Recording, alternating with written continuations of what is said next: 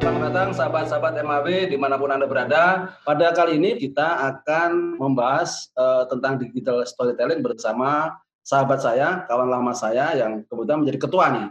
Ya Pak Ketua nih, Ketua Umum Asosiasi Perusahaan PR Indonesia, Bung Jojo Esnugro. Assalamualaikum. Apa kabar Bung Jojo? Waalaikumsalam warahmatullahi wabarakatuh. Nah, sebelum kita panjang lebar bicara tentang apa itu digital storytelling, apa itu manfaatnya bagi praktik-praktik PR terbaik kita, sebelum kita lebih jauh, lebih tajam dan lebih tuntas mengupas, saya akan tarik dulu ke ke hulunya ya. Sebenarnya eh, ada nggak yang berbeda di dalam membangun sebuah eh, storytelling di masa Eh, normal dengan masa sekarang ini. Sekarang kan ada istilah digital storytelling ya. Bedanya yang pokok itu apa antara storytelling yang yang yang lazim, yang biasa, yang non digital dengan yang digital?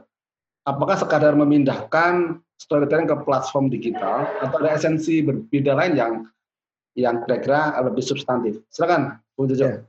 Kalau storytelling kan sebenarnya kan kalau kita kalau dalam bahasa Indonesia tuh kita bercerita atau mendongeng yes. gitu ya. Ya. Jadi kalau konvensional sebenarnya ya menulis gitu, storytelling dalam bentuk tulisan dan uh, reading, uh, apa, sorry, writing dan reading, jadi oral uh, ininya. Dan platformnya ya masih konvensional gitu, platform tulisan atau platform orang berbicara gitu.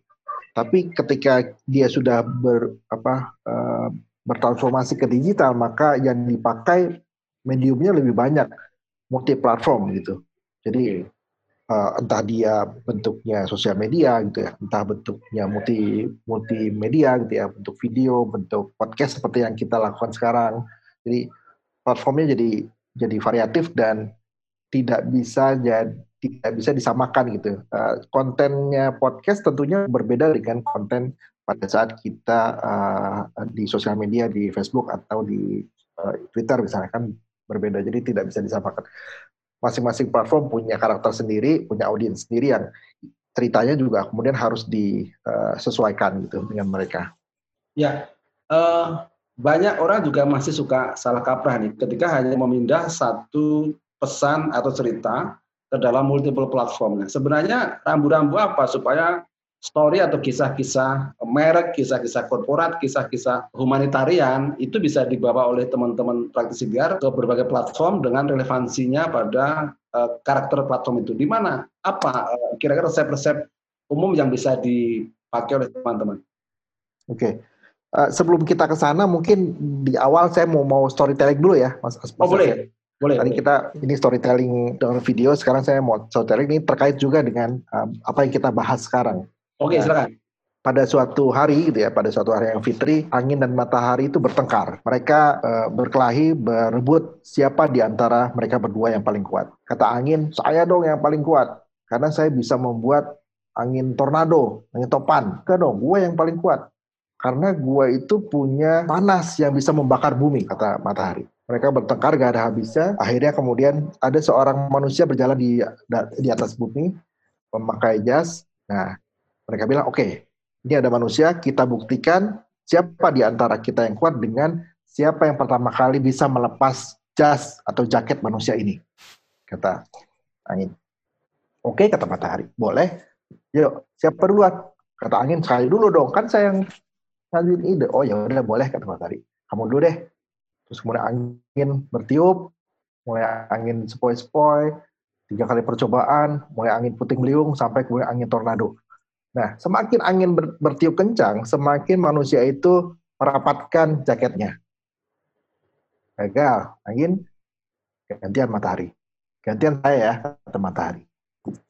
Matahari mulai memanaskan sinarnya mulai 30 derajat Celcius, kemudian 35 sampai 40 derajat, panas sekali itu.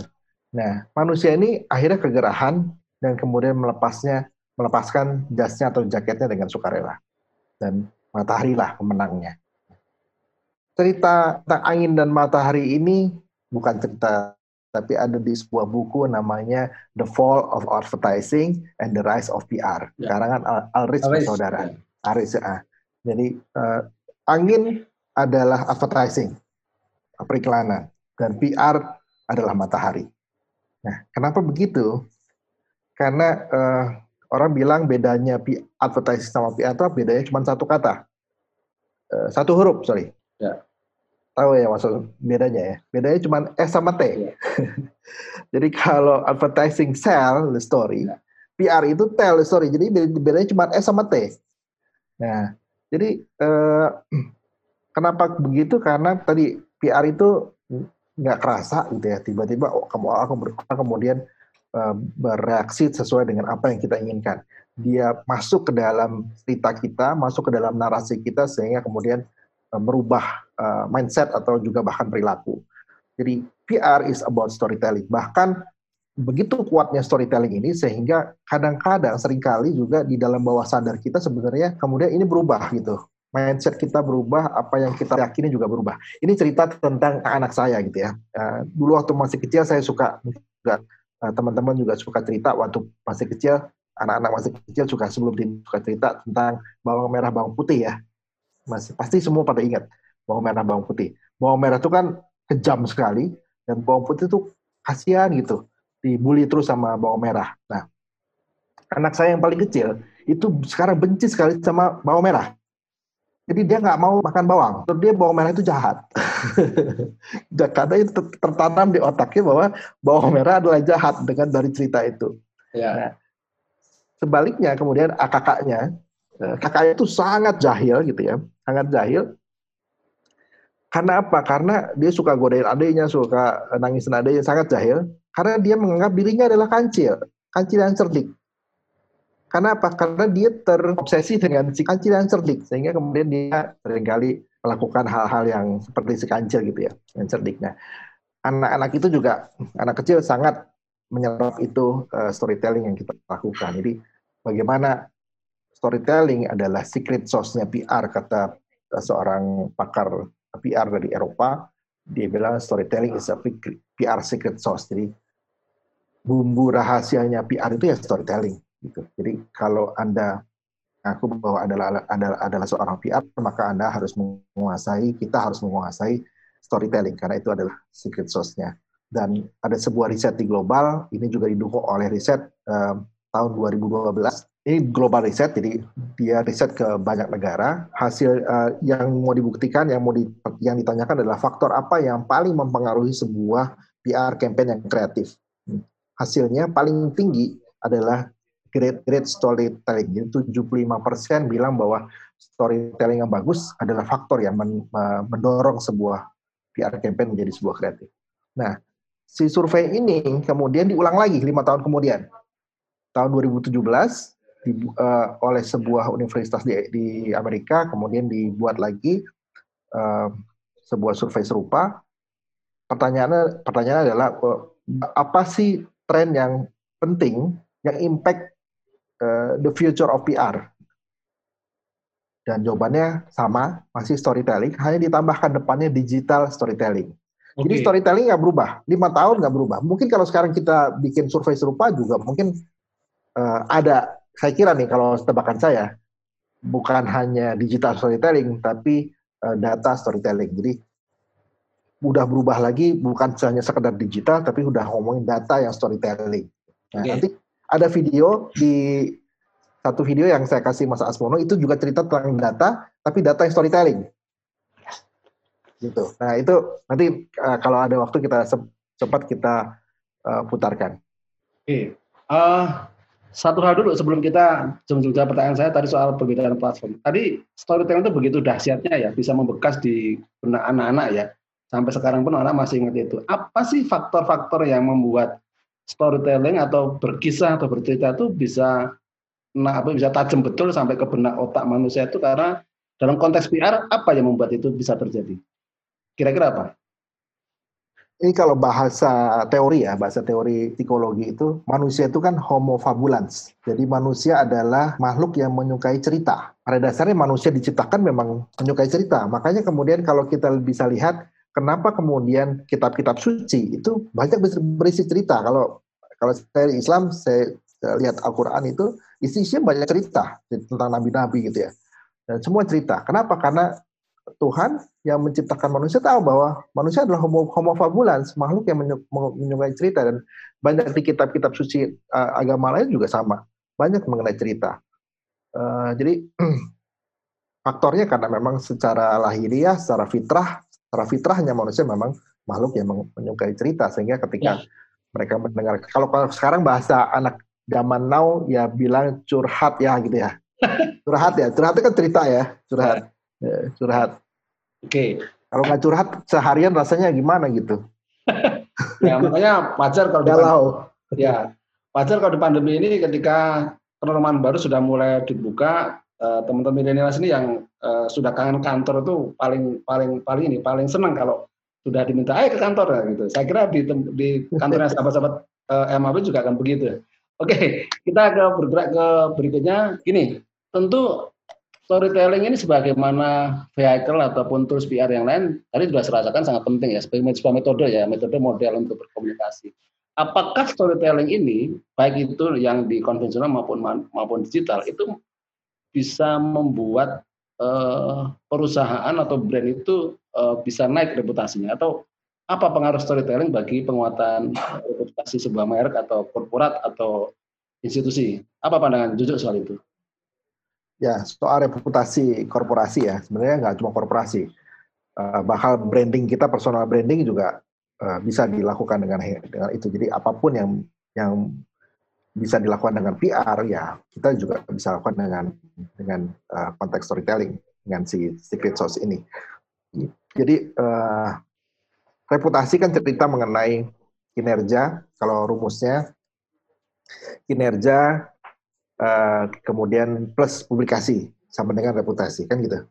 Jadi sebuah kinerja yang baik kalau tidak dinarasikan gitu dan dipublikasikan dengan narasi yang baik, maka dia tidak akan jadi reputasi. Jadi reputasi ini sangat terkait dengan bagaimana kemudian kinerja tadi kemudian diceritakan gitu kan. Apa yang sudah kita lakukan untuk brand kita, untuk korporasi kita. Yang tadi juga CSR kita sudah lakukan CSR. Nah, CSR-nya harus dikemas dalam sebuah cerita yang menarik sehingga kemudian itu jadi reputasi kan gitu.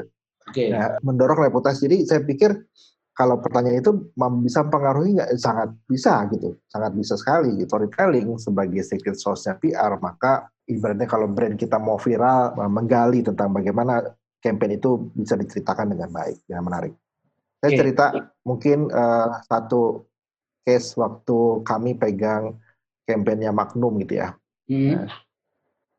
uh, waktu kampanyenya Magnum uh, kalau nggak salah tahun 2010 2011 Nah, uh, challenge-nya pada saat itu adalah bagaimana sebuah ice cream uh, rejuvenate brand-nya dan kemudian dengan harga yang dua kali lebih lebih mahal daripada harga ice cream pada umumnya pada saat itu bisa laku dijual.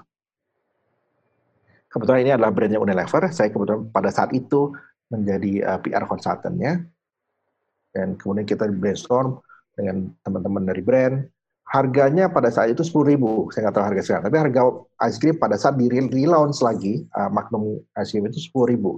Harga ice cream rata-rata umumnya pada saat itu adalah lima ribu. Hmm. Jadi bayangkan harganya dua kali lipat dijual, hanya uh, hanya dengan ukuran hanya sedikit lebih besar gitu. Challenge-nya adalah bagaimana menjual ice cream dengan harga dua kali lipat gitu. Ya. Yang kita lakukan adalah kemudian ini harus bisa jadi sebuah cerita gitu. harus ada story di baliknya ya. jadi harus di gitu harus di nih uh, brand ini nah um, pertama bahwa sebuah produk akan dipersif orang akan mau beli gitu ya akan mau beli produk itu meskipun meskipun mahal ketika dia dipersif oleh konsumennya sebagai uh, lifestyle bukan sebagai produk itu sendiri gitu jadi kalau ice cream ini mau dibeli orang sepuluh ribu, orang mau beli untuk harga dua kali lipat, maka dia harus jadi lifestyle, harus jadi gaya hidup. Nah, untuk bisa menjadi gaya hidup itu kita mesti bisa buat cerita. Bagaimana membuat cerita supaya ice cream ini uh, terlihat mahal gitu, terlihat lifestyle, terlihat keren kalau orang uh, uh, beli ini. Jadi misalnya salah satu story-nya adalah cerita tentang lapisan coklat yang menumuri ice cream ini, Magnum ini. Itu adalah coklat dari Belgia. Nah, ya. coklat uh, Belgian coklat adalah coklat terbaik di dunia. Nah, kita kemudian angkat angkat story tentang coklat. Angkat Belgian coklat bahwa Belgian coklat adalah terbaik. Dulunya zaman dahulu kala hanya raja-raja, hanya kalangan bangsawan yang makan uh, coklat Belgia. Gitu. Dan ini Anda bisa dapatkan, bisa rasakan di ice cream Magnum. Nah, satu misalnya cerita itu. Ya, kemudian dikemas lagi dengan cerita-cerita mengenai uh, kelangkaan ice cream pada saat itu. Kalau masa semua masih ingat dulu uh, orang ber uh, truknya belum sampai di minimarket aja udah diserbu sama ibu-ibu gitu sama remaja gitu. Karena kekuatan narasi tadi. Nah kemudian setelah itu udah mulai mereda gitu ya. Udah mulai mereda cerita itu kita berpikir lagi bagaimana kemudian membuat ini menjadi lebih lebih hype gitu. Lebih hype akhirnya uh, muncul dari diskusi dengan brand muncullah sebuah konsep uh, pop up cafe Magnum Cafe. Kita bikin waktu itu di di uh, Grand Indonesia. Jadi lagi-lagi harus menjadi sebuah storytelling gitu yang menarik. Nah, bagaimana cafe itu dibuat sep seperti Victorian style. Jadi orang masuk gitu seperti masuk ke dalam sebuah kerajaan. Bahkan waitersnya itu didandanin seperti layaknya uh, seperti waiters kerajaan. Jadi kalau di laki-lakinya ada yang pakai reda-reda gitu ya, terus perempuannya pakai rok yang gelembung itu. Nah, bahkan pada sapaannya pun kemudian kita buat sapaannya kalau eh, laki-laki uh, kita uh, minta mereka buat my lord, my lord mau pesan apa my lord gitu. Ya. Terus kalau perempuannya my lady mau pesan apa. Jadi orang disapa dengan my lord, dengan my lady gitu ya, dengan orang yang berbaju bangsawan itu kan sebuah experience yang luar biasa gitu. Dan itu akhirnya kemudian menjadi sebuah story yang kemudian bisa diceritakan ke teman-temannya. Dan akhirnya kemudian itu menjadi viral. Uh, ya di, tentunya dibantu dengan uh, menggunakan berbagai macam platform yang kita gunakan. Sampai mengular gitu ya sampai uh, antriannya mengular sampai itu jadi viral. Bahkan uh, itu diliput oleh banyak media asing. Dan akhirnya uh, campaign ini adalah campaign lokal. Jadi campaign yang dibuat oleh Unilever Indonesia biasanya kan kalau global company multinational company dari atas dari dari asing kemudian diturunkan campaignnya ke bawah tapi ini campaign lokal yang kemudian diadopsi oleh internasional. Karena saking viralnya sampai media-media asing juga meliput, akhirnya diadopsi, dibuatlah uh, serupa pop-up cafe, Magnum Cafe di banyak kota di negara lain. Oke. Nah, ya, kira-kira uh, begitu ceritanya. Oke. Kalau udah cerita tadi memang kayaknya desain ceritanya memang anu ya, memang uh, sangat ya sangat epic ya kira-kira begitu.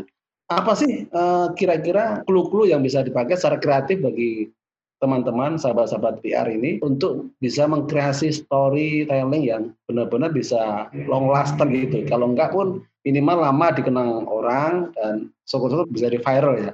Ada nggak tips praktik dari praktis dari Om Jojo untuk sahabat-sahabat MAW ini? Apa kira-kira garis besar fundamental aja? Secara kreatif apa yang perlu diperhatikan?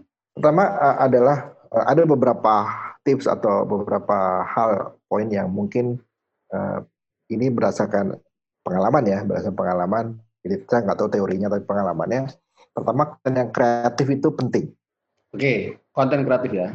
Konten yang yang kreatif. Jadi how to be kreatif saya nggak bahas ya. Silakan ya, okay. nanti ya, dibahas lagi di lain kesempatan yang mana menjadi kreatif. Tapi konten yang kreatif itu penting. Tapi kreatifnya juga ha harus mudah atau sederhana untuk dikonsumsi. Kalau saking kreatif sehingga orang nggak paham juga nggak masuk gitu. Iya iya iya. Ya ceritanya juga harus yang mudah untuk dikonsumsi. Terus kemudian jaga konteks. Kita kan tentunya korporasi, brand, punya pesan yang kita mau deliver kan, mau kita ya. sampaikan. Jadi pesannya tentang tentang kita mau bercerita, tapi terus lari lari ke mana-mana nih konteksnya. Nah, jadi jangan lari dari pesan utama, jagain konteksnya gitu. Ya. Jadi sekreatif kreatifnya tetap jaga konteks gitu, jangan ya. lari dari pesan. Nah, sebuah uh, storytelling yang menarik adalah seperti juga kita uh, senang film, nonton film Korea kan ada dramanya ya. Ya. Dramanya emosional, ada skenario, ada tokoh jagoan, ada musuhnya, ada konflik. Ya. Jadi itu yang uh, kalau itu bisa dibangun, jadi uh, itu sangat menarik gitu. Kalau dari campaign kita atau story itu bisa dibangun dengan seperti itu. Jadi sehingga tadi ada emosionalnya yang kemudian dibangun. Um, jaga konten juga supaya tetap edukatif. Jadi kita memang mau promosi gitu. Kita memang mau menjual brand kita, menjual campaign kita. Tapi jangan melulu jualan ya gitu. Jadi sisi edukatifnya tetap harus dikemukakan. Nah, sisi edukatifnya itulah uh, bagaimana kita mengemas storytelling. jangan melulu tentang promosi.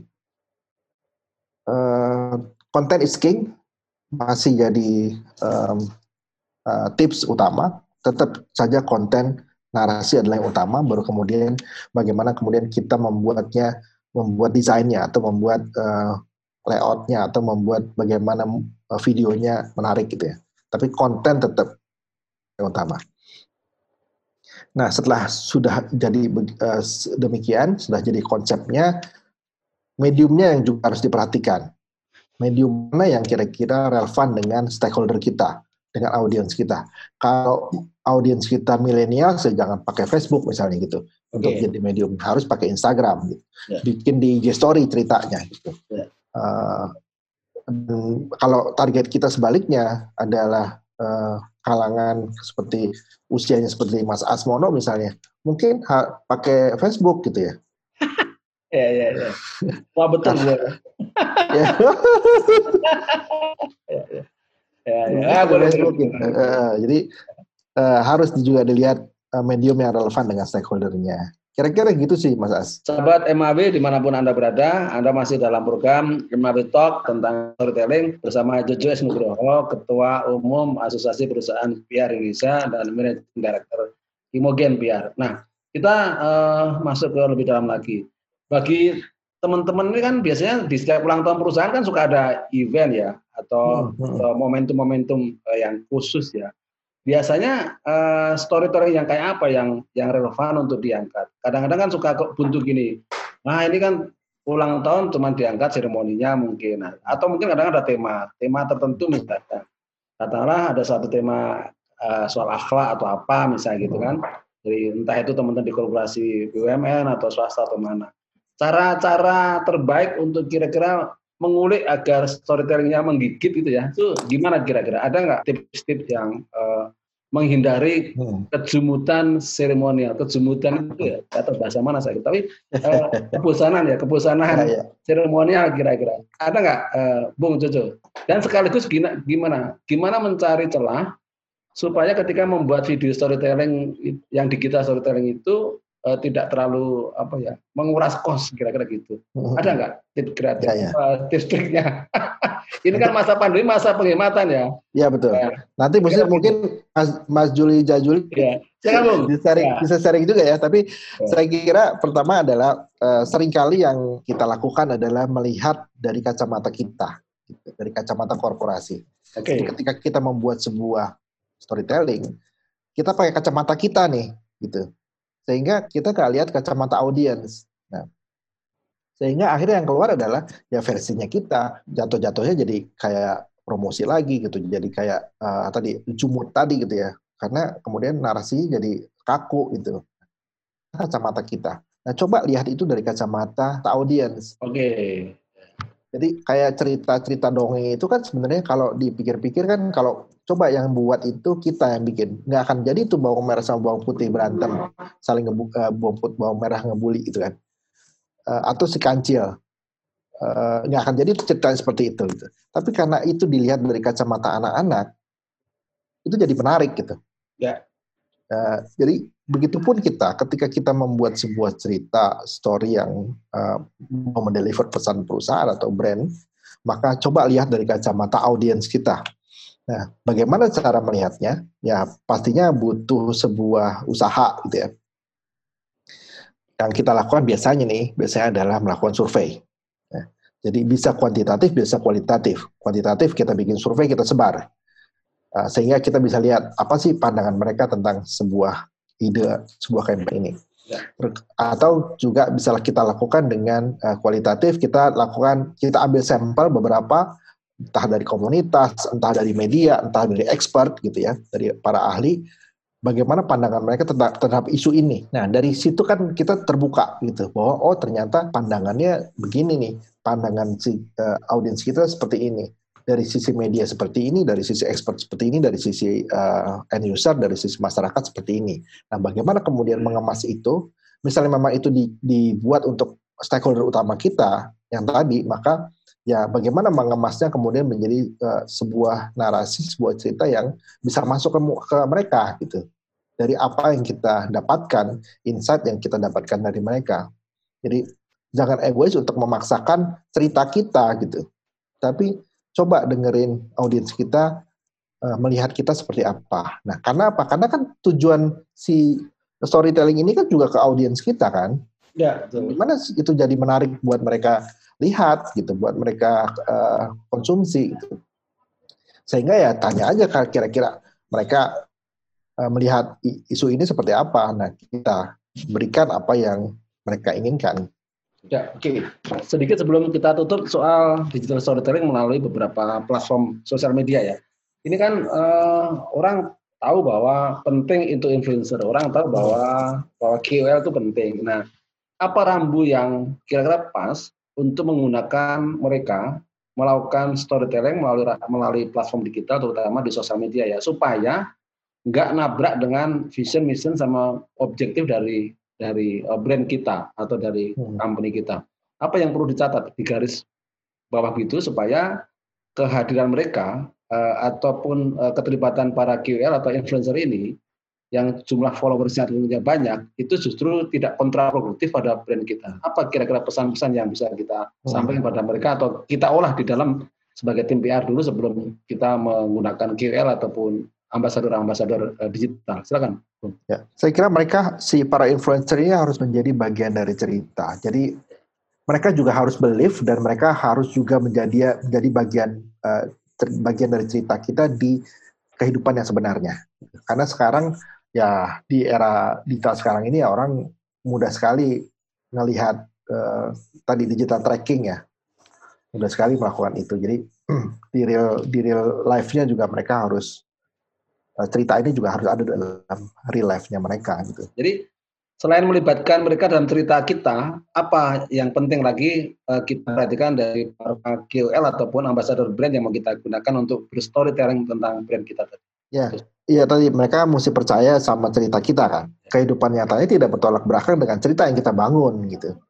Ya oke, okay. sahabat MAB di mana pun anda berada, kita sudah ada di penghujung program MAB Talk eh, episode kemerdekaan dalam segmen digital storytelling bersama Bung Jojo S Nugroho, Ketua Umum Asosiasi Perusahaan PR Indonesia dan juga Managing Director Imogen PR. Bung, Uh, sebelum kita tutup, tentu saya ingin Anda menyampaikan juga satu satu closing statement ya, kira-kira satu dua menit.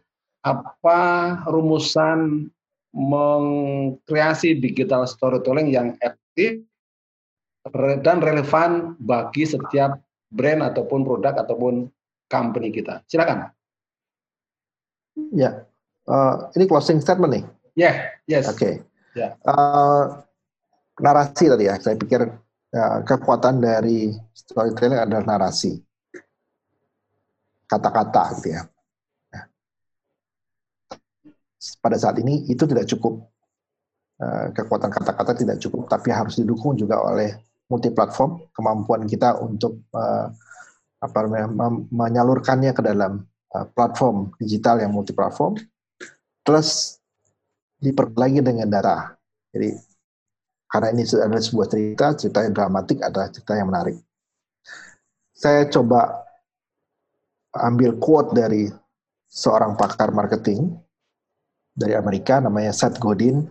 Dia bilang, people do not buy goods and services, they buy relations, stories, magic.